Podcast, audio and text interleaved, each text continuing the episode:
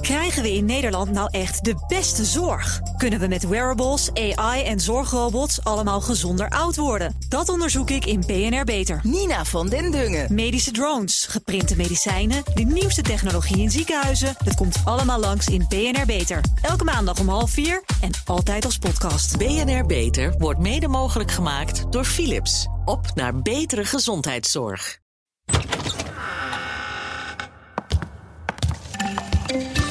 Eerste keer sinds, ik weet niet wanneer, dat wij hier staan. 3 juli of zoiets. Nee joh, in de studio. Oh, met z'n drie in de studio. De eerste keer. Dit is de eerste keer sinds maart, denk ik. Jeetje. Toch?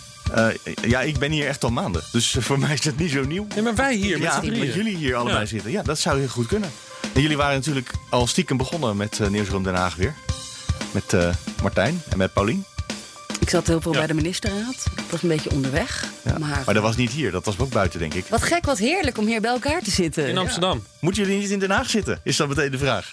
Eigenlijk wel. daar niks? Er is bijvoorbeeld nu, eh, als we dit opnemen, een eh, ronde tafelgesprek over de maatregelen van COVID eh, gaan. Klopt, ja, die had ik graag gezien. Eh, aan de orde is een ronde tafelgesprek over de tijdelijke wet maatregelen COVID-19. Ik denk dat volgende week de behandeling is van de COVID-wet. Ik denk dat het verstandig is, ik ben de technisch voorzitter, Paul van Menen...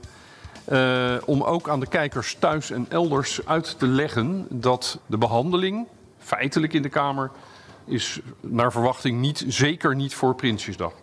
Ik denk dat het goed is om dat eventjes eh, voor iedereen helder te krijgen. En dan gaat het dus over de noodverordeningen hè? en over de anderhalve meter afstand. Dat dat in de wet wordt vastgelegd dat dat de veilige afstand is die we moeten bewaren met z'n allen. En eh, vandaag is er een hoorzitting in de Tweede Kamer waar mensen als Voermans, hè, de beroemde staatsrechtgeleerde, professor, die zich overal uit over deze wetten zeer Dan kritisch geef is. ik als eerste het woord aan eh, meneer Voermans, hoogleraar staats- en bestuursrecht bij de Universiteit Leiden. Gaat u gang. Dank u, meneer de voorzitter. Goed dat er een wet komt. Ook nu weer, vandaag zegt hij ook weer dat het eh, ja, in, eh, in strijd is met de democratische rechtsbeginselen van Nederland, in strijd is met de grondwet. Er moet een wet komen, maar misschien toch niet deze wet. En Deze andere wet. mensen ook. En de VNG komt ook langs. Weet je, dus nee, dit is een hele belangrijke wet. Een hele belangrijke dag in de Tweede Kamer. Dus in die zin heb je helemaal gelijk, Mark. Dat we eigenlijk eh, eh, niet hier nu in Amsterdam kunnen zijn. Maar ik ga hem zo meteen wel even volgen via de stream. Heel ook. goed. En ik ga naar de ministers op jacht. Wil je nog weten wat het die- probleem is eigenlijk met die COVID-wet of niet? Ik ga eerst even zeggen dat dit Nieuwsroom Den Haag is. Dat het vandaag vrijdag 4 september is. Dat jij Laurens Boven bent. Jij Sofie van Leeuwen en ik Mark Beekhuis. Eh, die COVID-wet, eh, ja, daar is, is er van de week ook al over gedebatteerd in de Kamer, toch? Nee, dat was de app. Dat was de app, dat hoort daarbij, toch? Dat is toch de app die... Nee, dat is, die, die oh, dat is hebben- uit elkaar gehaald, Ja, op verzoek van de Tweede Kamer hebben ze die twee dingen uit Dat elkaar gehaald. ooit Omdat ze apart over de, de, de, de app wilden praten. En ze vonden dat daar ook een wet voor nodig is om hem te kunnen invoeren. In Den Haag is de regel dat een wet democratischer is dan een, eh, eh, een, dan een eh, noodverordening of een ministeriële regeling. Hè? Want dan kan de Tweede. Kamer er tenminste over praten. Ja, maar in de beleving van de, van de, van de bevolking hè, hoor je vaak dat, dat een wet iets is wat in steen gebeiteld is. En dat een, dat, dat dus iets zwaarders is dan een, een regeling of een noodverordening. Daarom dat er ook zoveel kritiek is vanuit de bevolking op die wet. Alhoewel we inhoudelijk dezelfde regels nu ook hebben gelden, is er veel kritiek op het feit dat het een wet wordt. Maar vanuit het Haagse perspectief is een wet democratischer, want dan mag het parlement meepraten. Nou, dat doen ze dus. Hè. Ze zijn dus vandaag begonnen met praten. Praten volgende met week praten ze door. volgende week inderdaad. praten met elkaar. Ja, en de kern van het probleem, leen even de argumentatie van eh, Voermans, eh, is dat die eh, wet dus de minister heel veel bevoegdheden geeft om in feite noodverordeningen af te kondigen. Hè, zoals nu de noodverordeningen dus van de burgemeesters worden afgekondigd over samenscholing, sluiten van gebieden, sluiten van kroegen, al dat soort dingen. Dingen die nodig zijn om, het, om de pandemie te bestrijden. Daar kan straks de minister noodverordeningen, die heten dan ministeriële regelingen, voor afkondigen. Die gelden dan meteen voor heel het land. Dat is op zich prettig, hè? centraal, eenduidig. Alleen, de Tweede Kamer, eh, die eh, ja, eh, stemt er niet over. Nee, die mag achteraf zeggen, vinden we niet. En dan wordt het wel weer ingetrokken, Nee, nee, nee. Ook Ja, zelfs dat niet. Nou ja, tuurlijk, ze kunnen altijd die, ze kunnen hem intrekken. Zo'n regeling. Ja, maar ze kunnen niet inhoudelijk meepraten. Dus wat ze kunnen doen is dat ze in een motie kunnen eh, vastleggen dat ze het er niet mee eens zijn. Maar een motie is niet een dwingend, is niet het dwingt het ministerie niet tot iets. De minister kan een motie naast zich neerleggen. Dus uiteindelijk, hè, dus wat er gebeurt straks is dat eh, de minister eh, bedenkt een ministeriële regeling. Die moet die een week voordat hij ingaat naar de Tweede Kamer sturen. Dan heeft de Kamer dus een week de tijd om er een, zich een mening over te vormen. En eventueel met een motie er iets van te vinden. En dan gaat hij. En dan mag de minister het alsnog negeren. Juist. Heel Dus is democratisch. Heel democratisch. Ja. Precies Ja, wat we wilden. Kijk, het is in zekere zin democratischer dan hoe het nu is. Ja. Maar Ja, want nu is er kritisch- niemand die we ter verantwoording kunnen roepen. Want de minister wijst de burgemeesters aan en die zegt: jullie moeten een Nou, sterker nog, sterker nog En, die, die, en er is een, iemand van de. Het is niet eens een Die burgemeester. veiligheidsregio's natuurlijk die hoeven geen voorzitter van de verantwoording veiligheidsregio. af te leggen. En dat zijn dus, eh, neem de provincie Utrecht. Hè, daar is dus de burgemeester van de stad Utrecht de baas van de Ja. veiligheidsregio, die min of meer de provincie Utrecht bevat. En ehm, dat betekent dus dat de. Die noodverordening die geldt dan voor de hele provincie of de hele veiligheidsregio. Maar de gemeenteraad in een ander dorpje van de provincie Utrecht kan niet de burgemeester van de stad Utrecht ter verantwoording roepen. Hè, dus de burgemeester die Ja. over die gemeente verantwoordelijk is, daar is Er is nooit ergens een plek om over te discussiëren. En dat Die- hebben we ja. dan binnenkort wel, want er kan in ieder geval nog een motie. Ja, de Tweede Kamer kan er dan over debatteren en spreken en zo. En dat, dat maakt het democratisch, maar volgens de critici dus niet democratisch. Bijvoorbeeld onze eh, oud-hoofddirecteur Sjors Freulich bijvoorbeeld. Die zit toch ergens in Utrecht nu als Ja, burgemeester? Die is burgemeester in nergens vijf over. Ja, landen. precies. Nee, die heeft gewoon geen macht. ja, die- Totale dictatuur. Ja, dat is dus een burgemeester die dus inderdaad dan wordt geconfronteerd met, eh, met, met eh, eh, noodverordeningen die dus door de, de, ja, de, de voorzitter van de veiligheidsregio, zijnde de burgemeester van de stad Utrecht, Ja. worden afgekondigd. Maar ook weer op aanwijzing van een minister. Dus wat dat betreft zou je kunnen denken: in Den Haag kon je er al over praten. Want de minister kan ook dat niet doen. Die opdracht niet geven aan al die voorzitters. Jawel, maar dat zijn er 25 hè, in Nederland. En die maken dan allemaal hun eigen, eh eigen versie. noodverordening. Ja. En dat is natuurlijk niet echt efficiënt. Veel mensen die hetzelfde werk doen. En in de tweede plaats, je krijgt wel degelijk... je kan zeggen regionale aanpak... maar het is ook ehm, eh, onverklaarbare ongelijkheid. Als bijvoorbeeld in de ene veiligheidsregio Ja, maar dat- dat snap de ik wel. markten worden Maar- maar- verboden... en in de andere niet. Maar er ligt het enige wat daartussen ligt is een snelweg. Hey, Ja. Volgende week, want we zitten een beetje naar vooruit. Volgende week eh, vooruit te praten al. We kunnen, meestal blikken we terug in deze podcast. Maar volgende week gebeurt er ook iets leuks. Jullie, eh, en daarvoor kunnen we wel een beetje terugblikken naar gisteren. Gisteren waren jullie bij de uitgever van jullie boek. Gisteren stonden wij op de trappen op de Keizersgracht. Heel chic van uitgeverij Balans. Een heel mooi pand. Aan de gracht dus.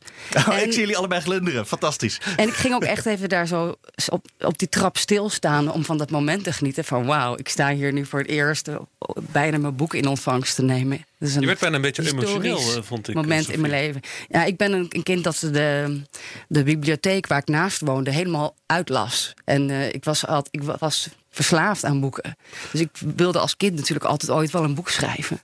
Nou, met Laurens natuurlijk. Aha. Dus ik heb het niet helemaal alleen gedaan. Dus Volgende week komt het uit. emotioneel. Jullie hebben, nu een, hebben jullie nu thuis een doos staan met van die boeken? Of eh, hoe, hoe werkt dat? We hebben er tien gekregen. Tien. Elk, elk tien. We wilden er eentje aan jou aanbieden vandaag, maar Ja, dat kan mag. nog niet. Nee. Want, Ja. want, op, eh, want wanneer is het? Woensdag is de officiële overhandiging van het eerste boek. Dan kan je mij er niet vandaag al eentje geven. We kunnen het wel stiekem doen. We hebben er één bij ons. Wil je hem zien? Ik wil hem wel graag zien. We mogen hem niet geven, inderdaad. Want Nee. dan is het natuurlijk de magie van het eerste exemplaar. Dat is natuurlijk wel een moment, hè? Ja. Het eerste exemplaar dat is voor eh, Hugo de Jonge, de coronaminister. Hans de Boer, de scheidend voorzitter van VNO-NCW. En eh, Joost Vullings, de voorzitter van de parlementaire persvereniging. En we hebben dit boek geschreven. Het gaat dus over de, de, de politiek in Nee, je gaat nu allemaal dingen vertellen. Dat is heel belangrijk. Maar ik wil het even zien. Het boek. Mag ik het vasthouden Waar is even? het? Hebben jullie het hier? tas. Ik Ga heb het in mijn tas. seconde. Ah, ja. Zo, zo belangrijk dit maar niet huis. ja. Dan komt meteen een sales pitch. Dat is ook goed. Dat hij dat meteen doet.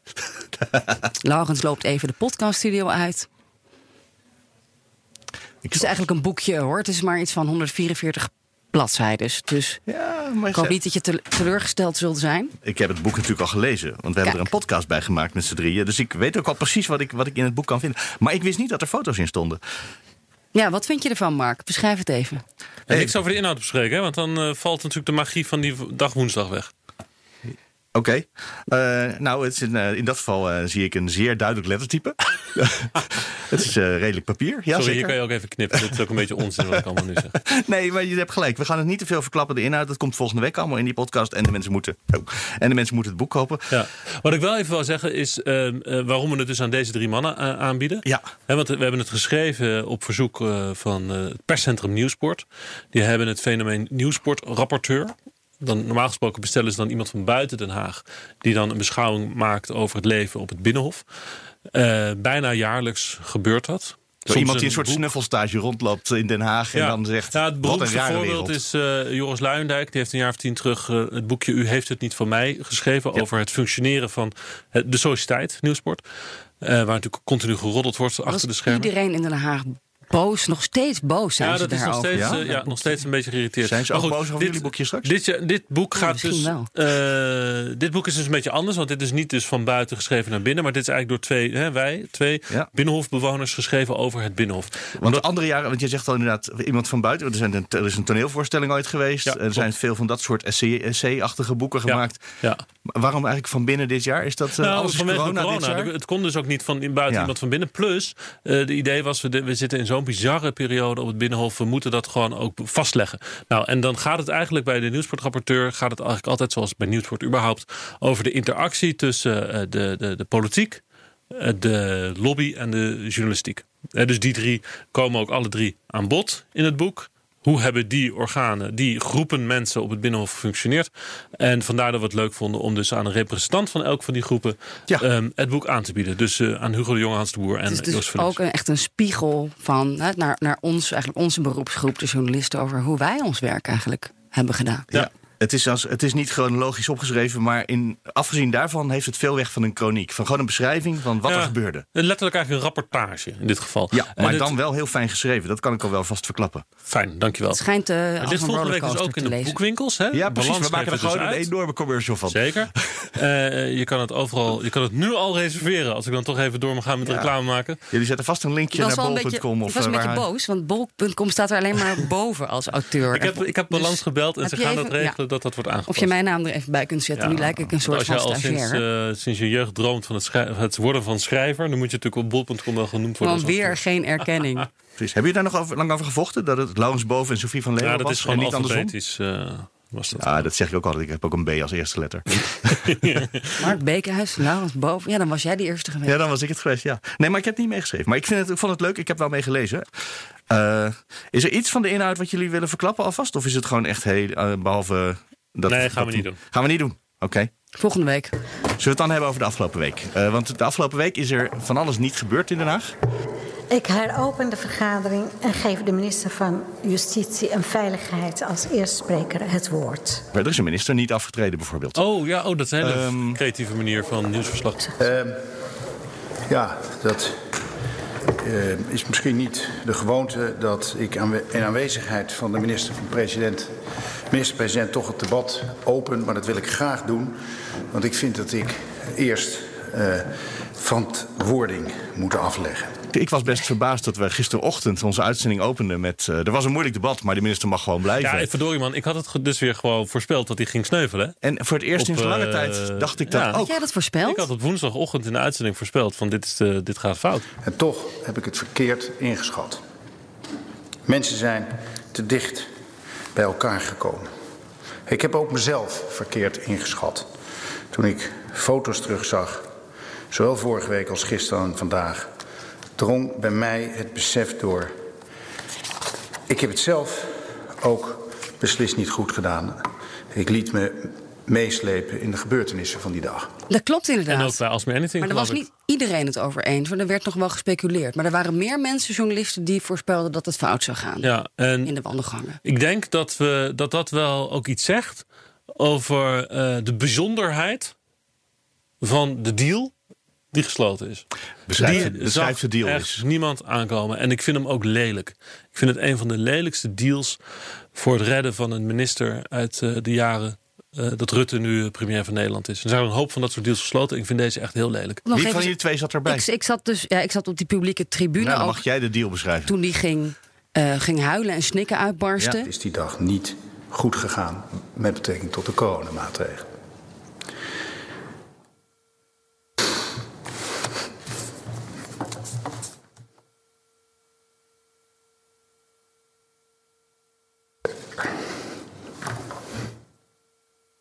Voorzitter, we hebben er thuis over gesproken. We zeiden tegen elkaar, hadden we het maar met z'n tweeën gedaan. Dat wil ik nog gezegd hebben. Ik zat ook dus, ik stond bij de patatbalie, eh, waar echt een soort grimmig sfeertje hing. En zoals dat gaat, eerder ook gezien bij Menno Snel bijvoorbeeld, dat de, de voltallige pers, heel veel camera's, en voor die roltrap staan te wachten waar Grappenhuis naar beneden zou komen. Echt een half uur of langer wachten en de spanning opbouwen. Geen afstand houden trouwens, hè, zelf. Geen vier treden op de roltrap, zoals dat hoort. En je voelt die sfeer van en ook die druk van de media, van de journalisten. Die druk dat die man, dat, dat het onhoudbaar is. Dat het ongeloofwaardig is. Die werd gigantisch opgevoerd achter de schermen. En toen, nou ja, nou, vlak voor vijf uur kwam hij op die roltrap naar beneden. Hij perste er een lachje uit nog. En hij liep langs. En we kunnen natuurlijk niet meer uh, hem blokkeren. Dus we stonden zo nee. achter dat hek met die microfoons. Meneer Grapperhaus, bent u nog geloofwaardig? En toen zei hij heel, heel strijdbaar: uh, Ik ben hier voor een debat. Nou, toen was, was, het wel duidelijk dat hij. Uh, niet dat hij niet meteen zou opgeven, precies. Dat hij geen statement zou geven, zoals ja. zijn eerdere voorgangers dat hebben gedaan, Harbers, Menno Snel. En dat hij dus de strijd aan zou gaan. Ja, het beeld op die roltrap, want jij hebt daar een foto van getwitterd. Toen zag ik hem en ik dacht een soort berusting in zijn gezicht te zien. En achter hem op de roltrap zat zijn voorlichter. En uh, die had eigenlijk meer een, die was echt boos of verdrietig, zo'n soort blik. Dus ik, op dat ogenblik dacht ik nog, oh, nou ja, hij is, uh, hij is het met zichzelf eens. Hij gaat weg. En zij is het daar nog niet helemaal mee eens. Ja, dus, dat, dat was wat ik ervan dacht. Maar ja, dat klopte die, dus niet. Die, dat personeel om hem heen, woordvoerders, ja, daar hing een soort donkere wolk. En, en, dus ik dacht, toen ik hen zag, dacht ik, dit is echt, hè, de shit is aan. Ja. Dit kan, dit kan verkeerd aflopen. Maar tegelijkertijd hoorde je al in de CDA-wandelgangen geruchten van... Dit kan ook nog wel goed komen. En toen begon wel iets te dagen van, oké, okay, is er een deal? Wat voor een deal?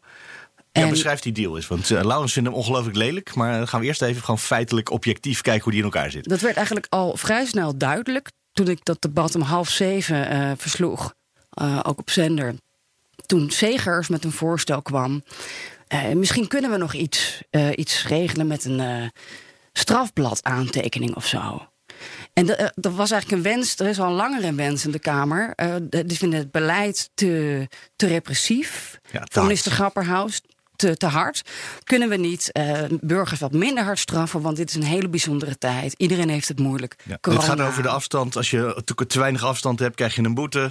Uh, 400 euro, pak een beet. En dan krijg je daarom een aantekening ja, in je strafblad. Je, eigenlijk moet je nog een waarschuwing krijgen. Maar daar, Ja, maar dat gebeurt vaak niet. Weten we uit de praktijk. Ja, heel veel discussie over. Het is heel arbitrair. Burgers zijn boos. Hè, Ja. Boos op de regering, op Grapperhaus. En bovendien houdt hij zich er zelf ook niet aan. Dus dat is klassenjustitie. Hè. Dat, dat woord hebben we veel gehoord tijdens het debat. eh, bij de oppositie. Dus, eh, dus er kwam een deal. En dat, dat voelde je aankomen. Ook eh, eigenlijk direct na Segers. eh, SGP, die natuurlijk ook steun moet geven eh, altijd aan het kabinet. Die hem hartelijk feliciteerde met zijn huwelijk, Grapperhaus. Toen dacht ik ook al van, dit gaat misschien goed komen. Ja. En vervolgens ja, ook Klaas Dijkhoff, eh, die heel ja, opzichtig ja, dat voorstel deed. Zullen we gewoon iets doen met die aantekening op het strafblad? Zullen we daar een, een oplossing voor bedenken? Nou ja, en toen. En werd- dus eigenlijk is de man gechanteerd door de Tweede Kamer. Je mag blijven, maar dan moet je wel even toegeven aan onze eis over dat strafblad dat dat eraf gaat. Nou, het leek een. eh, ja, nou, jij noemt het een hele lelijke deal. En Laurens, jij begon bij. het- Ik zat op de publieke tribune. Laurens zat mij te appen van. Wat gebeurt hier? Wat lelijk. En dus ik ben nog wel even benieuwd wat er toen Ja. door jou heen ging. Hoe Eh, was het voor jou. Laurens? Jij was boos. Ik zat een paar etages lager in, eh, in eh, Nieuwsport. eh, Mhm. om naar de televisie te kijken. Die helemaal leeg was. Want voor het eerst was er weer publiek op de publieke tribune. En eh, ik zat ook eerder een debat even op de pu- pu- publieke tribune. En het viel mij op dat die ook helemaal vol zat met pers. Het komt ook zelden voor dat er zoveel journalisten op de tribune zitten. Dus dit zijn, van die, ja, dit zijn van die momenten dat je in de zaal wil zien. Omdat je de spanning van de. Nou, zoals Sofie dat beschrijft. Dat is heel belangrijk dat je Ja. de spanning van de zaal meekrijgt. Om, om goed te begrijpen wat er gebeurt. Maar goed, ik zat dus in Nieuwsport. Er zijn met twee, drie andere collega's die daar ook waren. En eh, dus ik zat naar, die, naar, de, naar, de, naar de snikken van Grapperhaus eh, te kijken. Dat vond ik al verrassend. Dat, dat die man zo emotioneel werd op dat moment. Ja. Maar goed, ik vond de deal lelijk. Ik vind hem lelijk, omdat eh, wat er in feite gebeurt... is dat zeg maar, iemand uit de elite heeft iets fout gedaan.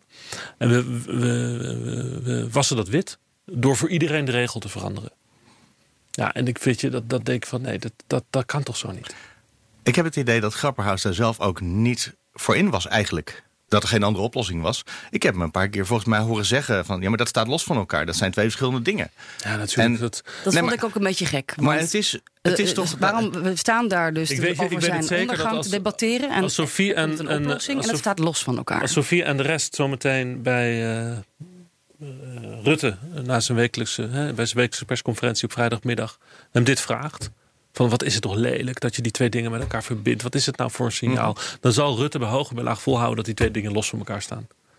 En, eh, dat vindt de burger toch niet? en Mensen dat is die misschien daar dan naar nog een kijken, die keer vinden dat het toch tweede niet? lelijke in het element. Mhm. Weet je, er wordt een deal gesloten en dan wordt hij ook nog eens ontkend dat hij bestaat. Ja, Ja. Maar verklaart dat dan ook, want ja, uiteindelijk was de oppositie nog redelijk mild, omdat die dus gingen voor de motie van afkeuring en niet van wantrouwen. Die kwam dan van de PVV nog, maar... Die werd sowieso, sowieso niet zoveel gesteund. Nee, kijk, Of is dat dan omdat nee, het het- eigenlijk toch geen zin heeft, want Nee, er het- is een deal? Het verschil tussen die twee zit dat in, in, in, in wantrouwen... dan zou er iets zijn van een vermoeden van opzet. En, en expres en inhoudelijk handelen. Hè? Van ik handel zo omdat ik vind dat de regels voor een minister anders zijn dan voor de rest van de bevolking. Dat zou wantrouwen zijn. Afkeuring, dat is dan meer gewoon een fout die hij heeft gemaakt. Dit is Maar gewoon verkeerd wat hier is gebeurd. En Er was punt- toch reden voor afkeuring? Want eh, uiteindelijk. afkeuring, in- nou ja, eh, dat- sorry, eh, voor wantrouwen.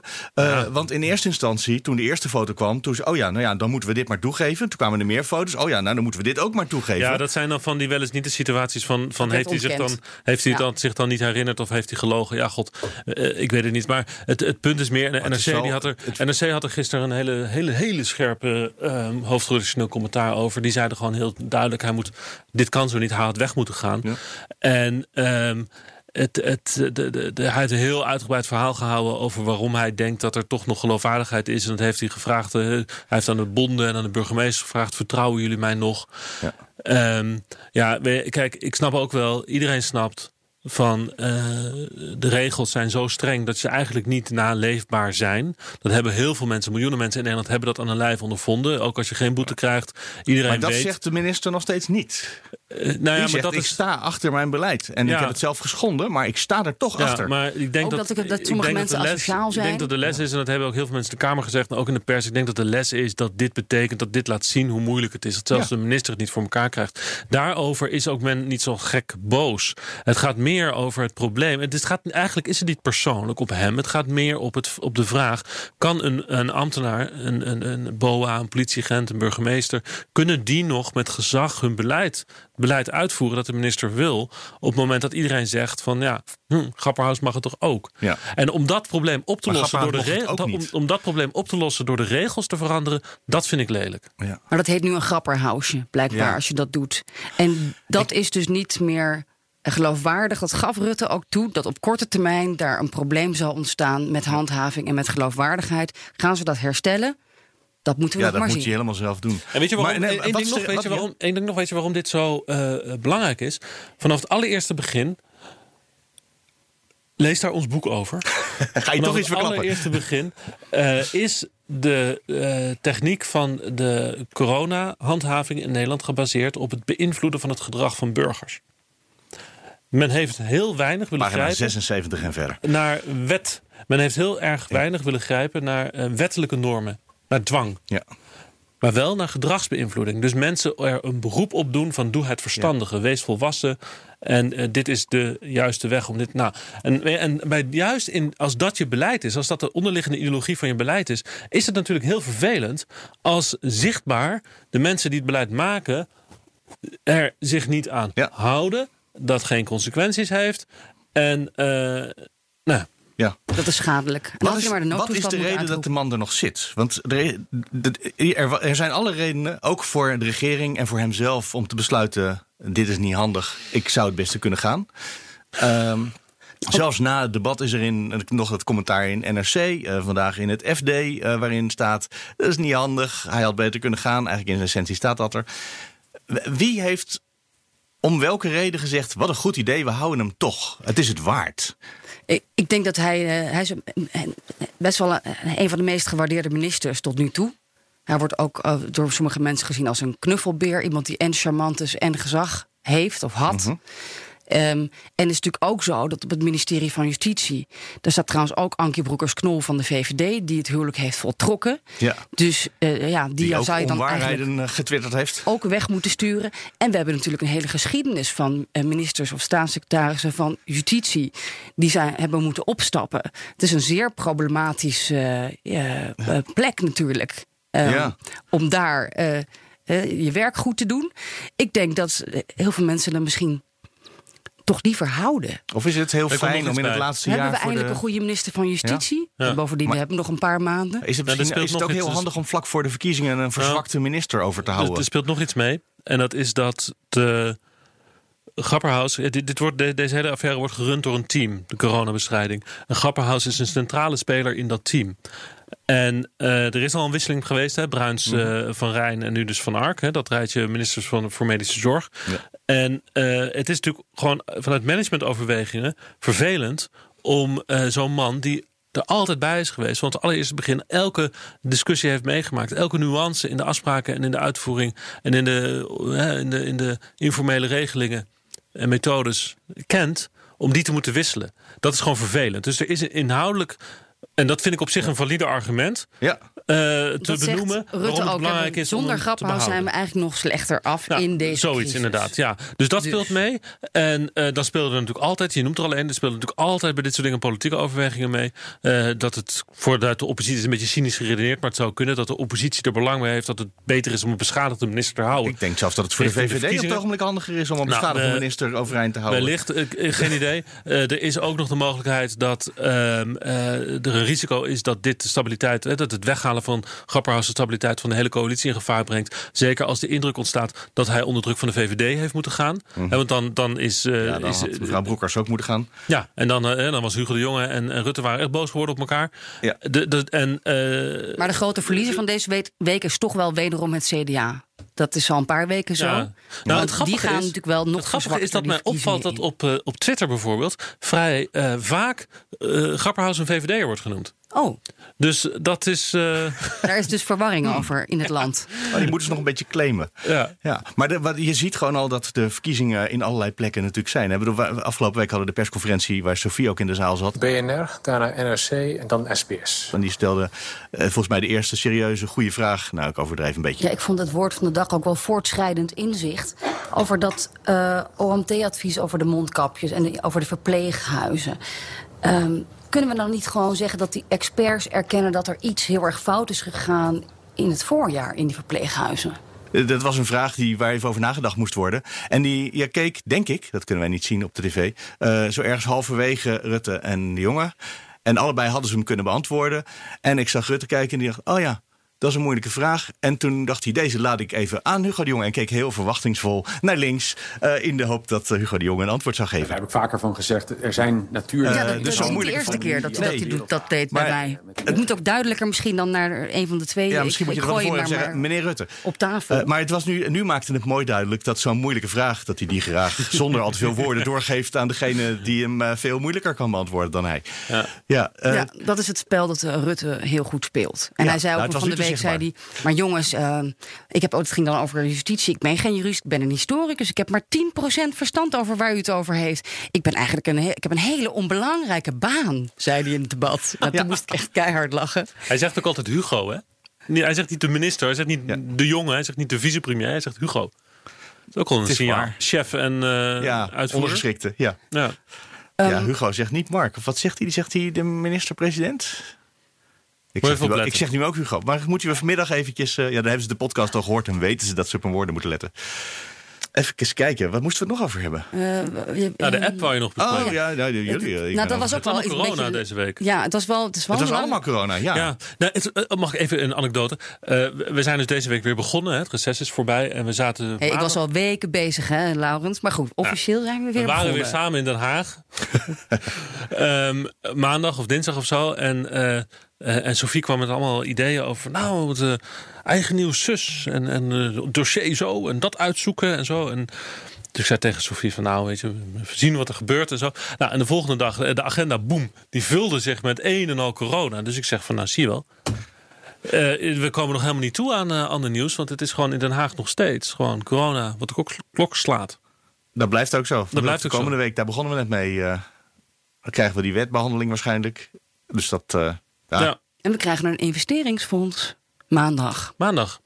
Dat Hoeveel is de nu? verwachting. Weet jij er al meer van? Want het is nu vrijdag. Voor hetzelfde geld ben je al ben je bijgepraat of zo? Nee, ik, ik zit, probeer die woordvoerders te bellen en te appen. Maar het is nu ook ministerraad. Dus ik ga straks na afloop even, even rondvragen. Hoeveel geld of is er het nog iets uiteindelijk gelekt kan worden.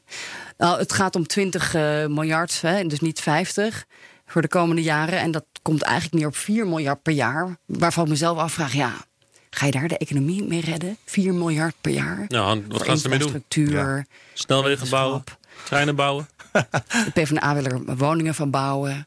Dus ik weet niet of dat nou het, eh, de grote, grote oplossing gaat zijn van, de, hè, van de crisis waar we nu. eh, Maar dit is dus een hele grote pot honing die ze op tafel zetten... waar de lobbyisten vanuit het hele land op af zullen rennen... van doe mij nog een stukje treinverbinding naar Groningen. Al dat soort... eh, Ja, dan wordt het een, eh, dan wordt het een.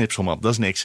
Nee, maar het idee even- is natuurlijk dat het voor de, eh, de economie van de toekomst en een eh, innovatie, een duurzaamheid. soort, hè? eh, Minister Wiebes, die, die een groot project. Een soort, eh, zoals we de, de, de, de inpoldering van, het, eh, van de Zuiderzee. eh, zoiets groots moeten we gaan doen. Eh, en, Ja, we kunnen er geen eh, vliegveld op zee eh, van betalen. nee, maar dat wil ook 20 niemand. Dat, Dus dat gaat in ieder geval niet gebeuren. Dus dat horen we maandag, misschien denk kunnen ik. we de Lelystad uitgraven en verslepen. is dat een idee? Op BNR redden. Oh, knip dit er maar uit. Volgens mij zijn we aan het eind van deze week gekomen. Dankjewel allebei.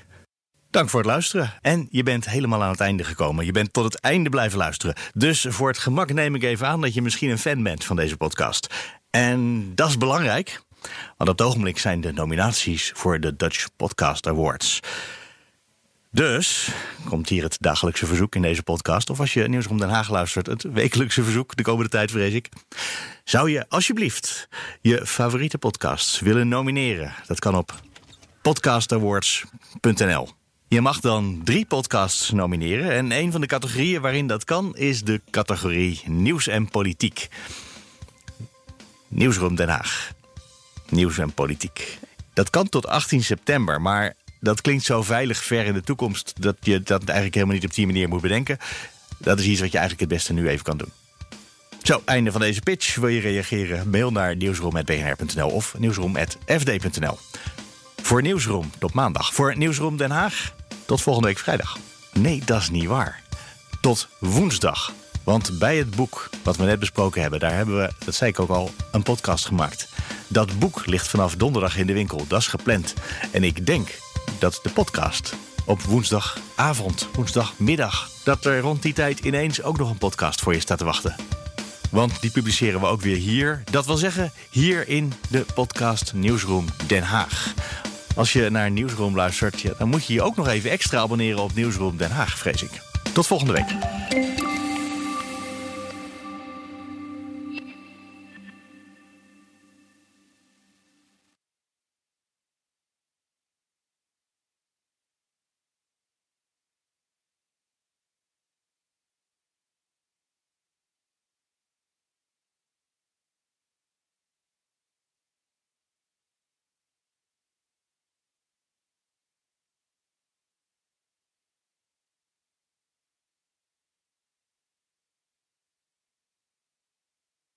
Krijgen we in Nederland nou echt de beste zorg? Kunnen we met wearables, AI en zorgrobots allemaal gezonder oud worden? Dat onderzoek ik in BNR Beter. Nina van den Dungen. Medische drones, geprinte medicijnen, de nieuwste technologie in ziekenhuizen. Het komt allemaal langs in BNR Beter. Elke maandag om half vier en altijd als podcast. BNR Beter wordt mede mogelijk gemaakt door Philips. Op naar betere gezondheidszorg.